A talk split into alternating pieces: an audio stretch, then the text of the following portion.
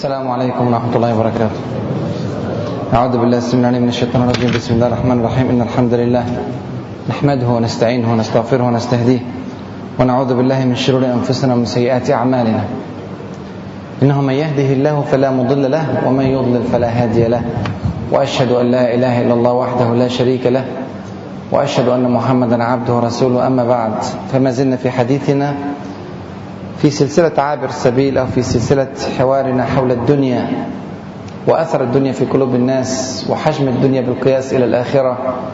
وما ينبغي على المسلم أن يفعل حتى يفهم حقيقة العمل في هذه الدنيا لأجل الوصول إلى المستقر الحقيقي له وهو الجنة إن شاء الله رب العالمين. اللي ما حضرش امبارح للأسف الشديد هيتعب معنا النهاردة.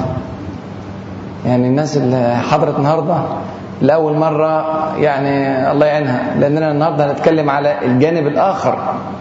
إحنا امبارح اتكلمنا على الجنة والجانب الآخر صعب.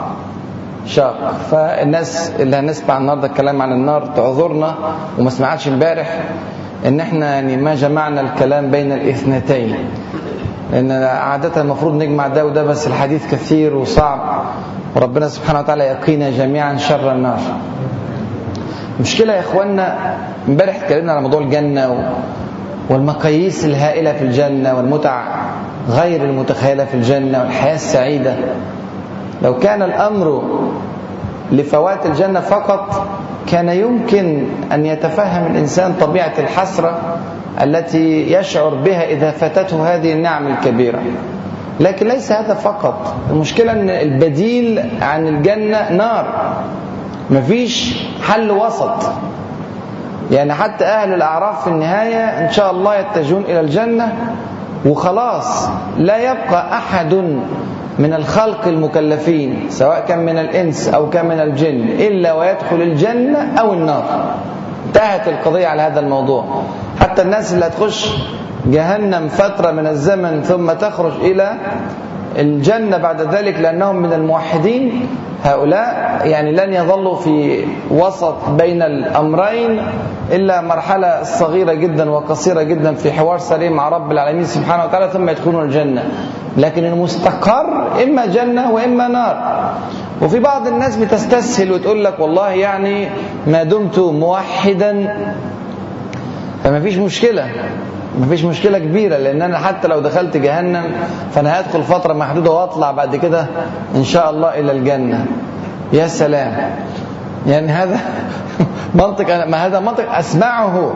أنا مش بدي لك احتمالية نظرية. لا في ناس كتير على هذا المحمل إن هو الحمد لله بدل موحد يبقى خير إن شاء الله لأن أنا كده كده طالع من جهنم.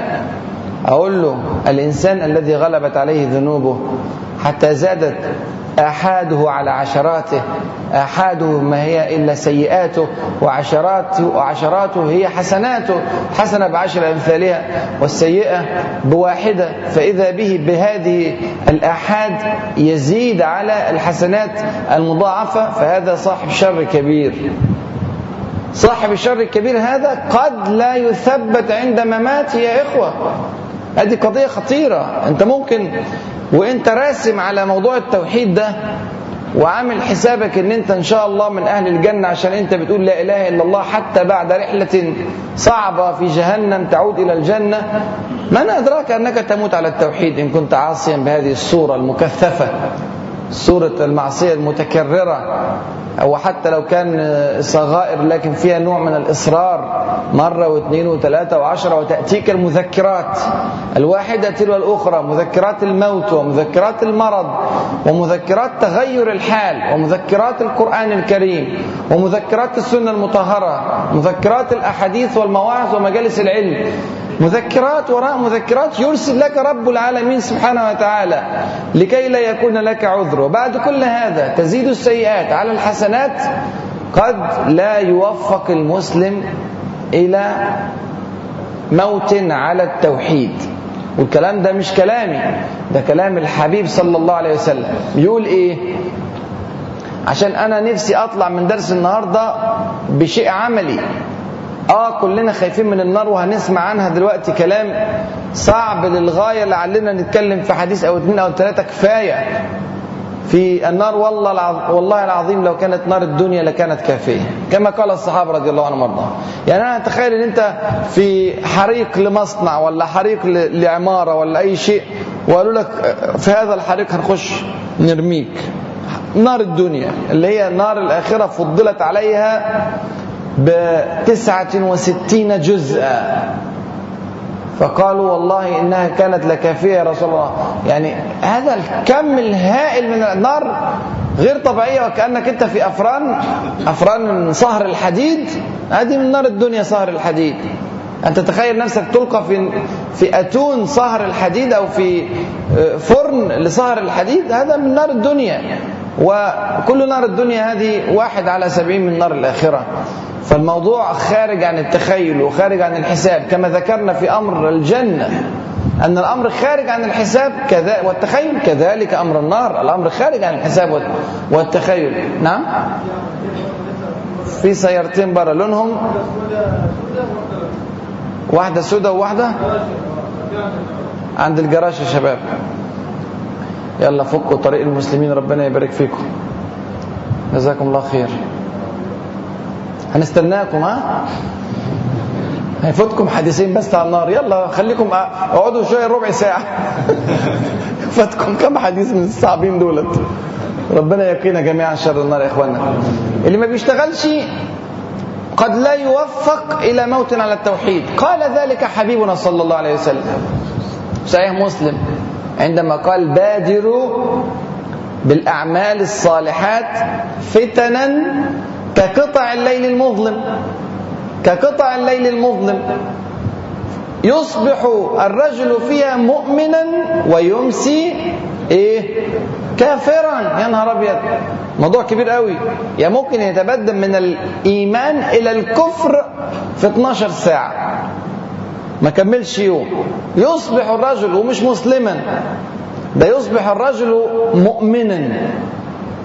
وهذا أعلى مؤمنا. ويبيت كافرا. ويمسي الرجل مؤمنا. ويصبح كافرا. كافرا. يبيع دينه بعرض من الدنيا. وده اللي إحنا أصل الحوار بتاعنا كله من أول رمضان لحد دلوقتي. قصة الدنيا. زي ما قال عبد الرحمن بن عوف رضي الله عنه وأرضاه ابتلينا بالضراء فصبرنا وابتلينا بالسراء فلم نصبر. هذا عبد الرحمن بن عوف أحد العشرة المبشرين بالجنة قمة القمة. ومع ذلك يعتبر نفسه غير الصابر في قضية السراء المال. وهو من أروع وأبدع المنفقين في سبيل الله. ومع ذلك شايف إن هو إيمانه وقت الضراء كان أعلى من إيمانه وقت السراء. فشيء خطير. إذا فتحت عليك الدنيا الله أعلم كيف يكون المآل. الحل إيه؟ الحل إيه؟ هو قالوا في الحديث صلى الله عليه وسلم بادروا بالأعمال الصالحات اشتغل. بادروا بالأعمال الصالحات. أنفق في سبيل الله. صل من الليل. ما شاء الله لك أن تصلي. صل رحمك. بر والديك. أحسن تربية أولادك. جاهد في سبيل الله بالسنان وبالكلام وبالورقة والكتابة والفكر والجهد والعقل. اشتغل. الميدان واسع وكبير والتنافس فيه عميق وكثير والنار رهيبة والجنة عظيمة. فلا بد من العمل. هذه خلاصة الحديث وخلاصة الدرس النهاردة. إن إحنا البديل للأسف الشديد عن الجنة مش عدم مش فناء. إنما نار توعد الله عز وجل بها من مرق من عباده عن دينه وشرعه. نبئ عبادي أني أنا الغفور الرحيم وأن عذابي هو العذاب الأليم. هذا خبر لكل البشر. نبئ عبادي. كل عباد الله عز وجل. ما نشعر أحيانا إن إحنا لينا يعني شيء من ال... كل واحد فينا مش مش إحنا ك... كمجموعة يعني. كل واحد يشعر بينه وبين نفسه كده أن له كرامة خاصة من الله عز وجل. وإن هو مهما عذب هو مش هيعذبه هو. ليه؟ ليه؟ من أين أتيت بهذه الثقة؟ ليه عبد الله ابن رواحة رضي الله عنه وأرضاه وهو خارج من المدينة المنورة في موقعة مؤتة وكانت موقعته الأخيرة رضي الله عنه وأرضاه استشهد فيها. وهو خارج يبكي. يبكي وهو خارج فيقولون له لماذا تبكي؟ وخافوا أن يكون يبكي جزعا من الموت لأنه مقبل على معركة خطيرة. هيروح يقابل الجيش الروماني والجيش الروماني جيش أكبر دولة في الأرض وهم طالعين حيالله 3000 واحد فالعملية في منتهى الخطورة. فقال والله ما أبكي صبابة على دنياكم. هو كونوا فاكرين اني ببكي عشان هفقد الدنيا بالعكس ده أنا حاسس إن أنا هموت. في هذه المعركة. شعوري ان أنا هموت في هذه المعركة. خوفي وبكائي إن هكون أموت إلى جهنم. وده مين ده؟ ده عبد الله بن رواحة رضي الله عنه وأرضاه. يقول قال الله عز وجل وإن منكم إلا واردها كان على ربك حتما مقضيا هذا حتمي على كل البشر. وإن منكم إلا واردها. يحدث هذا الورود على النار من كل الخلق بلا استثناء. ويرد على النار كما ذكرنا في حديث أول أمس تقريبا رسولنا صلى الله عليه وسلم فيجوز الصراط ويكون أول من يجوز. يمر من فوق النار. وقالوا هذا هو ورود الصالحين نسأل الله أن نكون منهم. أنه فقط يمر من فوق الصراط. لكن يا إما يمر من فوق الصراط وإما يدخل النار. وبعض التفسيرات زي تفسير ابن عباس رضي الله عنهما وإن شاء الله ما يكونش هو التفسير المعتمد يعني لأنه بيقول كل الناس يدخلها مش يرد بس من فوق الصراط. لكن إحنا نطمع في رحمة ربنا سبحانه وتعالى وإن يكون ورود الصالحين وأن نكون من الصالحين فوق الصراط فقط ونمر كمر الريح أو البرق ونعدي إن شاء الله ربنا يعدينا دون أزمات. لكن ده لازم شغل لأن حتى في نفس الحديث بتاع الصراط الرسول صلى الله عليه وسلم قال عن بعض العباد الذين يزحفون زحفا على الصراط لا يستطيعون المشي. يقول صلى الله عليه وسلم وبعضهم تعجز أعماله فيزحف زحفا على الصراط. إيه اللي معطله على الصراط؟ أعماله أعماله قليلة. كل ما كان العمل كبير كل ما كان عندك قوة دفع أكبر فوق الصراط. فكل ما كان العمل قليل بقى صعب عليه وفي ناس أعمالها أقل من كده كمان مش عارف يزحف حتى. فبيقع. يقع. فيقع ويخدش بكلاليب جهنم ومنهم ينجو بعد أن يخدش فناج مخدوش ومكدوس فيها. وفي ناس تقع. نسأل الله العافية والسلام يا إخوانا النار كيان ضخم هائل موجود الآن. كما قلنا أن الجنة موجودة الآن كذلك النار موجودة الآن. وكرامة شهر رمضان العظيم الذي نحن فيه الآن أن أبواب جهنم مغلقة الآن. لها سبعة أبواب. لها سبعة أبواب جهنم. لكل باب منهم جزء مقسوم. يعني إيه؟ يعني زي ما أبواب الجنة كده في ناس تدخل باب الجنة من باب الريان باب الصيام. في ناس تدخل باب الصدقة. في ناس تدخل من باب الجهاد في سبيل الله. في ناس تدخل من باب الصلاة. أبواب ثمان أبواب للجنة. كل باب له صفة معينة. كذلك أبواب جهنم. لكل باب منهم جزء مقسوم. الذي غلبت عليه نوع معين من أنواع المعاصي بيخش سبع أبواب كل باب ليه اسم. منهم واحد ذكر الرسول صلى الله عليه وسلم منهم باب كما ذكر في رواية الترمذي لمن سل السيف على أمتي. إن شاء الله يكون مقال بشار والناس اللي معاه يعني على هذه الصورة. وإحنا أهو العملية كلها سريعة يا اخوانا والله. لما تشوفوا مثل هذه المناظر وتسمعوا مثل هذه الأحاديث عن النيران هذه تطمئن قلوب المؤمنين. أنه سيأتي يوم يثلج فيه صدور المؤمنين الذين يذبحون هنا وهناك. هيجي يوم إن شاء الله نسعد ونضحك ونفرح ونحن في الجنة ونشاهد مثل هذه الطواغيت التي أفحشت القتل في المسلمين. باب خاص ليهم في جهنم. لمن سل السيف على أمتي. فنسأل الله عز وجل السلامة من النيران وأن يرينا يوما يعز فيه الإسلام وتذل فيه أهل المعاصي والجبروت والطواغيت. إنه على ذلك قدير سبحانه وتعالى. النار كما ذكرنا موجودة ومغلقة الآن عشان إحنا في رمضان. لكن بعد رمضان تفتح في أوقات وتغلق في أوقات برحمته سبحانه وتعالى وتسعر في أوقات اللي هي أوقات تسعير. يعني العملية موجودة الآن زي حركة الكواكب اللي أنت شايفها فوق ديت. أنت شايف حركة, حركة الأفلاك؟ كذلك في كيان ضخم جدا هائل موجود الآن ويسعر كل يوم. في بعض الروايات أنه يسعر قبل صلاة الظهر بربع ساعة أو تلت ساعة لحد صلاة الظهر ولذلك يكره الصلاة في هذا التوقيت.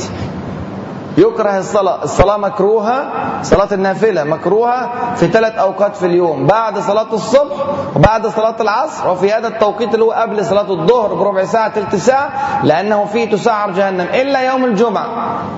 بس يوم الجمعة لا تسعر جهنم. كرامة لهذا اليوم. موجودة ولا مش موجودة؟ موجودة. وذكرنا أن الرسول صلى الله عليه وسلم قاعد مع الصحابة سمع وشبة صوت عالي فقالوا ما هذا؟ قالوا هذا حجر. قال صلى الله عليه وسلم هذا حجر. ألقي منذ سبعين خريفا من سبعين سنة الآن وصل إلى قعرها. يبقى عمق جهنم سبعين سنة. سبعين سنة حركة حجر. وهذا أمر مرعب للغاية يا إخوانا عليها خزنة. هذه النار عليها حراس. وكما ذكر ربنا في سورة المدثر عليها تسعة عشر فإذا ببعض الكفار على رأسهم أبي جهل يسخرون من هذا الموضوع. حتى قال لهم أبو جهل عليكم أنتم بواحد وأنا عليها ثمانية عشر. يعني يهذي ويسخر من أن النار عليها تسعة عشر فقط تسعة عشر. هذه ملائكة الرحمن عز وجل. الملائكة العظام. وصف لنا حبيبنا صلى الله عليه وسلم ملكا رأسه في السماء وقدمه في الأرض السفلى. ثم وصف عشان نفهم مقاييس الحجم اللي عنده قال ما بين شحمة أذنه والحديث صحيح يا إخوانا ما بين شحمة أذنه إلى عارضة كتفه من ودنه لكتفه. المسافة الصغيرة دي خفقان الطير سبعين سنة. لو في طير بيجري سبعين سنة ما يدوبك على بال ما يوصل لكتفه بعد سبعين سنة والطير الله أعلم سرعته قد إيه. ما ذكرش أي أنواع الطيور. فشيء مرعب وهائل. وعلى كل هؤلاء رئيس التسعة عشر هؤلاء دول بره عليها تسعة عشر بيحموها من بره غير الزبانية في الداخل. فعليهم رئيس ورئيس النار هو مالك. اسمه مالك زي ما رئيس الجنة خازن الجنة اسمه رضوان خازن الجنة اسمه مالك وهذا لم يضحك منذ خلق.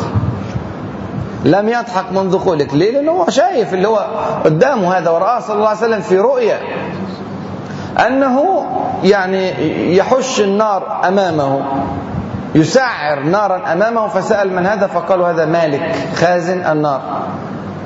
فهو موجود وهو يعني في حالة يعني بالنسبة للكفار شكله رهيب لأن هو ربنا سبحانه وتعالى يقول في هذا القرآن الكريم يقول في هذا المعنى عليها ملائكة إيه؟ غلاظ شداد والله كانت واحدة كافية. كانت واحدة كافية لكن أذكر غلاظ شداد لا يعصون الله ما أمرهم ويفعلون ما يؤمرون. هو مش مقبول على المعصية ما يستطيع. وليه ربنا بيذكر هذه الصفات؟ لأن أي خلق إذا رأى إنسان يعذب بهذه الصورة هو ممكن يشفق عليه ويخف شوية. إخواننا ربنا يكرمهم يا رب ويجعل هذا في ميزان حسناتهم اللي دخلوا المعتقلات أيام الرئيس السابق. وعاشوا كانوا بيستقبلوا في الاستقبال طبعا استقبال مقرف ويتضربوا ويتبهدلوا أول ما بيخش. بعد ما بيخش أول حتة أمن الدولة ديت أمن الدولة طبعا دول يعني من ربنا يهديهم والله. ربنا يهديهم. إن ادي النهايات اللي إحنا بنتكلم عليها ربنا يهديهم والله ويتوبوا قبل ما يموتوا يلاقوا مفاجآت في غاية السوء. المهم امن كان يستقبلوا أمن الدولة بالصعق والضرب والتلطيش ومش عارف إيه. وفي الآخر بيروحوا السجن مزرعة أو وادي النطرون أو حاجة خلاص. هديت الأمور بقى. وممكن يلاقوا ضابط محترم هناك في السجن وملوش دعوة بالتعذيب ولا الحاجات ديت. ممكن يفوت لهم أكل يفوت لهم زيارة يفوت لهم كتاب يقروا فيه. في ناس خدت الدكتوراه والماجستير جوه السجن في ناس بتقرا وتتعلم وجرايد وخلاص بيعملوا طابور رياضة وبيقولوا أذكار الصباح والمساء وعايشين خلاص. عايشين. الدنيا هديت. آه جوه السجن. بس هديت وفي ناس منهم التزموا داخل السجن في ناس من اللي جوه السجن من المجرمين ربنا هداهم على ايدين الإخوة اللي جوه والتزموا في داخل السجن. وفي ناس حفظت القرآن في داخل السجن وفي ناس علت قوي ايمانيه في داخل السجن في ناس خدت شهادات زي ما قلنا في داخل السجن. في حياة ده سجن الدنيا. هناك مفيش كده. مفيش كده. ادعوا ربكم يخفف عنا يوما من العذاب. يوم واحد بس. ناخد يعني أجازة يوم من العذاب. بكرة كملوا. مفيش. العرض مستمر. من اول ما بيخش أنا أتخيل هذا الوضع. ده يعني هذا مهول. لولا أن الله عز وجل يمكن الإنسان من الحياة في هذا الجو. المفروض انه يموت من أول لحظة. ويتمنون الموت وما يطولونه. كما يقول كما يحكي القرآن الكريم قصتهم. وقالوا يا مالك ليقضي علينا ربك. طب نموت؟ طيب. انظر عندما يصبح الموت أمنية. فيقول إنكم ماكثون. أنت هتكمل كده على طول. يا نهار أبيض على طول. ده الموضوع ده صعب قوي صعب في التخيل حقيقه وعشان إيه؟ عشان انت عملت يعني إيه اللي استفدته في حياتك القصيرة في الدنيا عشان تلقى مثل هذا المصير؟ يا أخي ما كان قدامك الطريق الصالح سهل. طلب منك الله عز وجل أيسر من ذلك ألف مرة مليون مرة. ما في مقارنة أصلا بين ما طلبه الله منك في الدنيا. والله لو كان كله تعب وضنك لكان هين على النفس إذا نظر إلى هذا العذاب ونظر إلى سعادة أهل الجنة. ما بالك أن ما طلبه الله عز وجل منك في الدنيا هو سعادة لك في الدنيا قبل الآخرة؟ أي عقل هذا الذي ذهب بالإنسان إلى اتباع الشيطان وأن يعيش حياة الضنك في الدنيا وحياة الضنك في الآخرة؟ ومن أعرض عن ذكري فإن له معيشة ضنك فين ديت في الدنيا. لأنه قال بعد كده ونحشره يوم القيامة أعمى. قال رب لما حشرتني أعمى وقد وقد كنت بصيرا. قال كذلك أتتك آياتنا فنسيتها. وكذلك اليوم تنسى. شوف كلمة تنسى ديت. يعني دخل جهنم ربنا سبحانه وتعالى لا ينسى. وما كان ربك نسيا. لا يضل ربي ولا ينسى. سبحانه وتعالى. لكن يعامل معاملة الناس. يترمي في جهنم كده وخلاص اتقفل الملف بتاعه. اتقفل الملف بتاعه هو قاعد في جهنم كده على طول. فالموقف يا إخواننا يحتاج منا إلى وقفات كثيرة مع النفس. مش وقفة ولا اثنين ولا ثلاثة والله الناس اللي مستحضرة هذا الموضوع ما تستطيع أن تستلذ بحياة. وهذا ما دعا حبيبنا صلى الله عليه وسلم أن يخرج إلى الناس في يوم من الأيام ويقول لو تعلمون ما أعلم لضحكتم قليلا ولبكيتم كثيرا ولخرجتم إلى الصعدات تجأرون إلى الله عز وجل. وما استمتعتم بالنساء على الفرش. لكن الناس سرحانة وغفلانة وأنذرهم يوم الحسرة إذ قضي الأمر وهم في غفلة وهم لا يؤمنون. ناس سرحانة يا اخوانا وتايهة. وفاتح التلفزيون ليل نهار بيتفرج على بلاوي في التلفزيون. والله إن ما كان فيها سيئات ولكن فقط أضاعت العمر فهي كافية. ما بالك لو فيها سيئات وكوارث وتمثيليات وأفلام وفيديو كليب وتوك شوز ضيعه على أي شيء تتفرج وتشاهد؟ إيه اللي بضيعه حرام. حرام رأس مالك عمرك. فإذا ذهب البعض يوشك أن يذهب الكل. خلاص الوقت بيعدي من إيديك. وإذا جاء الموت فإنه يأتي بغتة دون إنذار. خلاص انتهت القضية انتهى الملف كل الموتى يريدون أن يعودون ولكن لا عودة. حتى إذا جاء أحدهم الموت قال رب ارجعون. لعلي أعمل صالحا فيما تركت. كلا. كلا. إنها كلمة هو قائلها. ومن ورائهم برزخ إلى يوم يبعثون. شاهدت وذكرت للإخوة هنا في المسجد في أحد خواطر الفجر قبل رمضان. شاهدت أحد الأفلام الأمريكية يصور النار.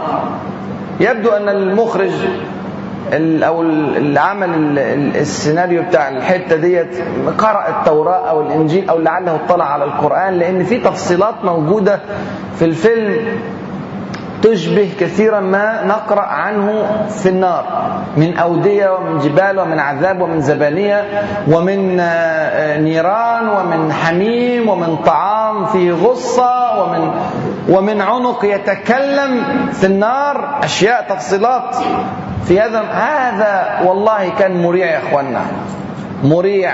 أنت لا تتخيل المنظر. وهذا التص... هذه صناعة بشرية. واحد عمل الكلام ده كله. خيال بني آدم.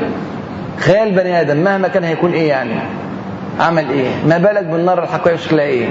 العنق التي تتكلم هذه. قال عنها حبيبنا صلى الله عليه وسلم في الحديث الصحيح يخرج يوم القيامة من النار عنق له عينان تبصران وله لسان وأذنان تسمعان ولسان يتكلم.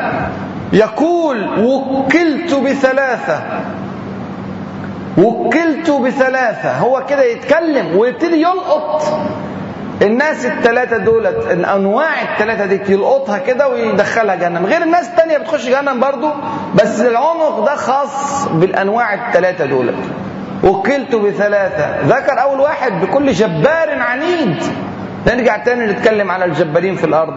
نسأل الله أن يخلصنا من هذه الطواغيت يا رب. وكلت بكل جبار عنيد.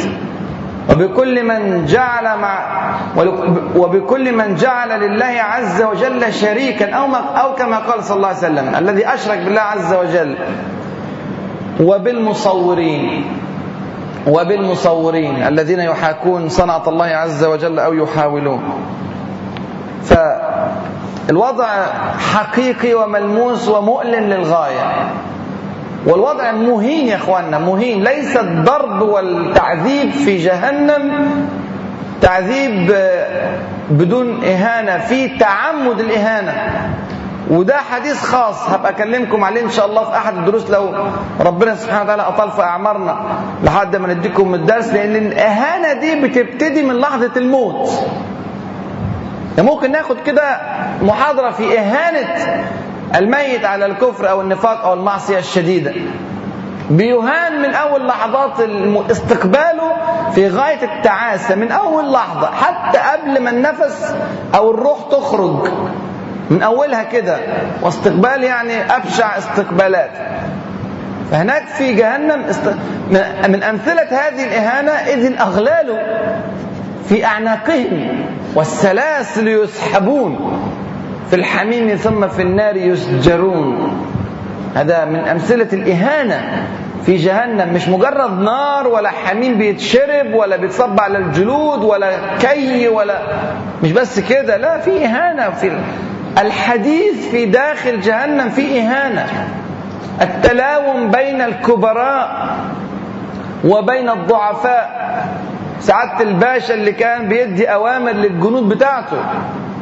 لما ابن تيمية مر عليه جندي أو واحد مش جندي حتى كان يخيط الثياب للظالمين. خياط ترزي بيخيط للمجرمين. فقال له يا إمام هل أنا من أعوان الظالمين أو ممن ارتضوا؟ يعني أو يعني من أتباع الظالمين؟ قال له انت بتعمل قال له بعمل كذا. قال له انت من الظالمين انفسهم. انت فاكر نفسك إيه؟ انت انت معاهم في المن... من غيرك ما كانوش يشتغلوا. فرعون الكبير ده من غير الجنود اللي معاه هيبقى فرعون إزاي؟ جنود البسطاء الصغيرين اللي هنا وهنا وهي... هيشتغل إزاي من غيرهم؟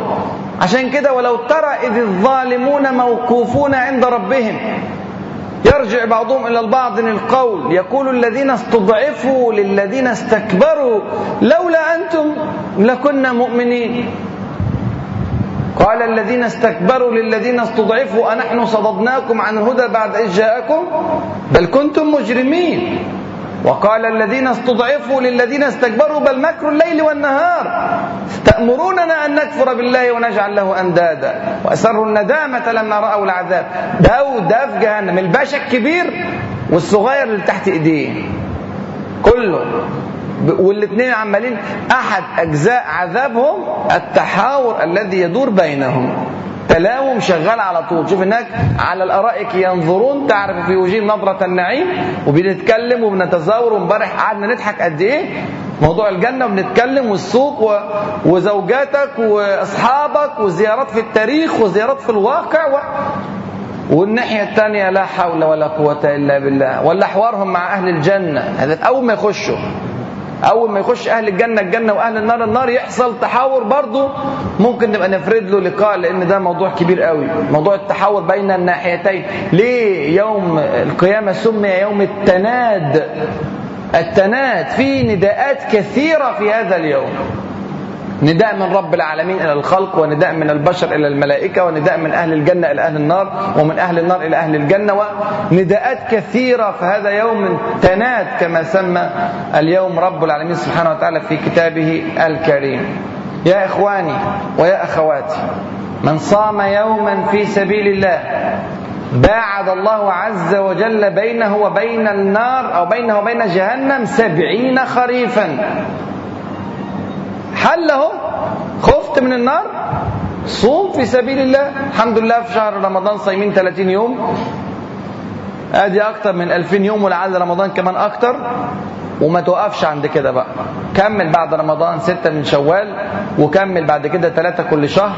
ربنا إن شاء الله يباعد بينك بها وبين النار كل يوم صيام تبعد سبعين سنة. الحق. الآن تستطيع الصيام. غدا عندما يكبر سنك. ويداهمك المرض. لا تستطيع أن تصوم وأنت تتمنى. الآن الحق. فرصة. صيام ثلاث أيام في الشهر. ما بقولكش يعني أكتر من كده. واللي يقدر أكتر من كده والله الخير واسع. وكرمه كبير. سبحانه وتعالى وسع في ملكك في الجنة. وقلل من فرصة دخولك النار. وخلي ورودك على النار سريع. كالبرق يا إخواني. ليه لا؟ أخلي طموحك كبير. يقول صلى الله عليه وسلم ما منكم من أحد إلا ويخاطبه ربه. ليس بينه وبينه ترجمان. فينظر أيمن منه فلا يجد إلا ما قدم. وينظر أشأم منه فلا يجد إلا ما قدم. وينظر تلقاء وجهه فلا يجد إلا النار. اليوم ده هيجي. لأن الرسول صلى الله عليه وسلم قال إيه؟ ما منكم من أحد.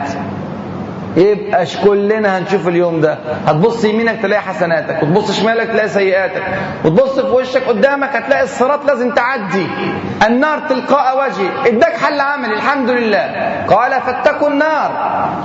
ولو بشق تمرة. ولو بشق تمرة. تصدق ما تقولش أنا فقير. ما تقولش على قد ما تقدر. اشتري الجنة زي ما اشتراها الصالحون. اشتراها عثمان بن عفان اشتراها عبد الرحمن بن عوف اشتراها أبو بكر الصديق دفعوا. دفعوا عشان يشتروا الجنة. فاشتراها.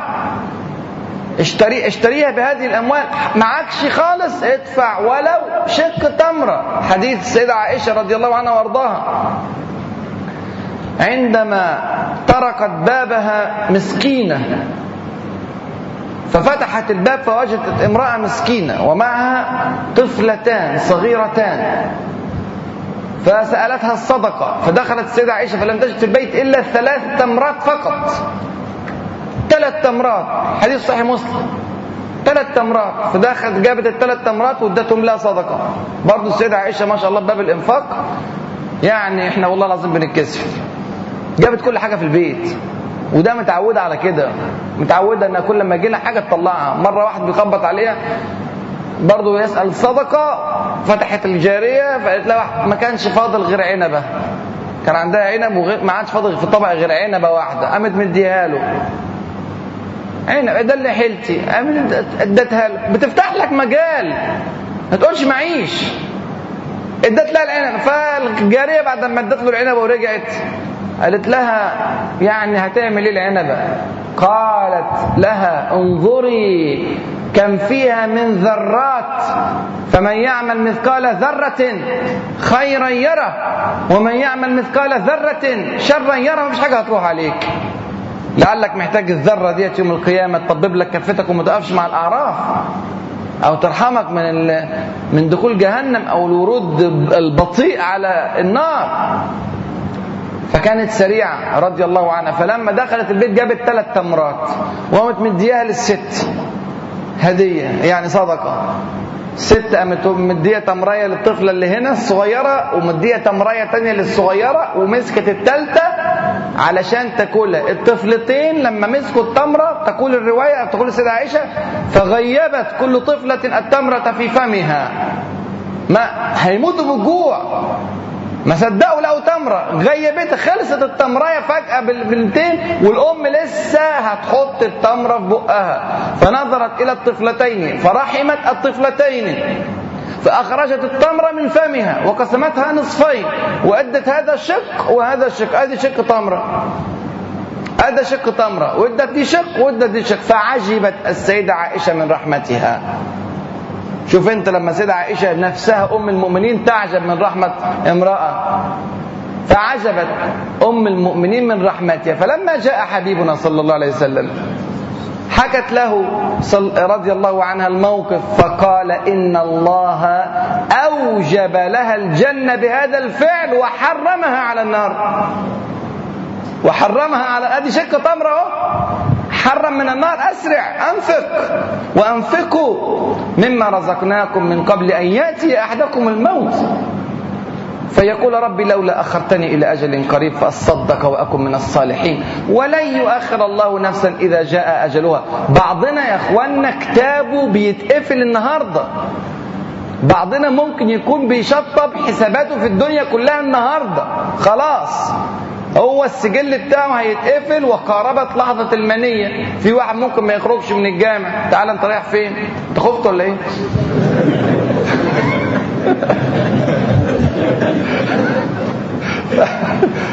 واحد ممكن ما يلحقش يخرج. ماليش دعوة لو حصل لك حاجة. والله كلنا كده يا اخوانا. هو الناس اللي ماتت دي ما كانتش شاطرة يعني ولا إيه؟ أنا واخد بالي وهم مش واخدين بالهم؟ ما خلاص. يأتي الموت انتهينا. إنك ميت صلى الله عليه وسلم. وإنكم ميتون. ونوقن بهذا لكن عايزين تطبيق عملي لمثل هذا الكلام. الوقاية من جهنم كثيرة جدا. أنواع الوقاية هائلة. عين بكت من خشية الله. وعين باتت تحرس في سبيل الله. هذه عيون لا تعذب. عينان لا تمسهما النار. ابكي من خشية الله. مش عارف تبكي من خشية الله؟ لو مش عارف تبكي من خشية الله راجع قلبك. هتلاقي قلبك عنده مشكلة كبيرة. في ذنب. والله الذنب يمنع البكاء من خشية الله. الذنب يخليك انت تسمع الكلام ده كله وعينيك لا تتركرك فيها الدموع. في ذنب. أحاط بالقلب. منع التأثر. كما قال صلى الله عليه وسلم إذا أذنب العبد ذنبا نكتة في قلبه نكتة سوداء فإن تاب ونزع واستغفر سقل قلبه. وإن زاد في الذنب زاد وإن زاد وإن زاد أي في الذنب زادت أي النكتة السوداء حتى تعلو قلبه ثم قال فذلك الران. الران يعني الران. الران يعني الحاجز الساتر العازل موجود حوالين القلب. فذلك الران ثم قرأ صلى الله عليه وسلم كلا بران على قلوبهم ما كانوا يكسبون. حطيت حوالين قلبك عازل يمنع دخول المواعظ ويمنع دخول القرآن الكريم والسنة المطهرة والمواقف المؤثرة. خلاص انت حر. عشان كده لا نبكي في سماع القرآن مع إن الرسول صلى الله عليه وسلم يأمرنا أن نبكي. وإن نستطيع أن نبكي فلنتباكى تصنع البكاء حتى لعل في يوم من الأيام ربنا يرقى قلبك. هذا موضوع كبير يا اخوانا إن الرجل أو العبد في رواية لا يتكلم بالكلمة بالكلمة. شوف ادي كلمة ممكن تدخلك جهنم وكلمة ممكن تدخلك الجنة. كلمة. إن الرجل يتكلم بالكلمة من رضوان الله. كلمة حلوة كلمة طيبة. دعوة إلى الله كلمة صالحة كلمة خير كلمة ثناء على مؤمن كلمة تشجيع كلمة تحميس إيجابية أمر بالمعروف نهي عن المنكر كلمة قرآن قلتها كلمة دعاء كلمة ذكر وتسبيح وتهليل كل ده كلام طيب. يتكلم بالكلمة لا يلقي لها بالا. يعني أنت مش واخد بالك من قيمة الكلمة بس بتقولها. فاكر لما قلنا أول امبارح خلي عندك ورد 100 مرة الصبح 100 مرة بالليل سبحان الله وبحمده تخيل أنت لما تقول سبحان الله وبحمده 100 مرة تغفر لك خطاياك ولو كانت مثل زبد البحر. بتخلصهم في قد إيه؟ في 3 4 دقايق. أنت مش متخيل إن ربنا سبحانه وتعالى يغفر لك كل ذنوبك بهذا الفعل البسيط. لا بيحصل. ما الرسول قال كده. ده نص الحديث. فهذه كلمة كلمة اتقالت بسيطة جدا أو كلمة حق عند سلطان جائر. هذه كلمة أيضا كلمة من الكلمات الطيبة أو كلمة دفاع عن مظلوم. وقفة مع معسر. وقفت بكلمة نصرته في موقف. فكيت أزمة ليه نصحته نصيحة.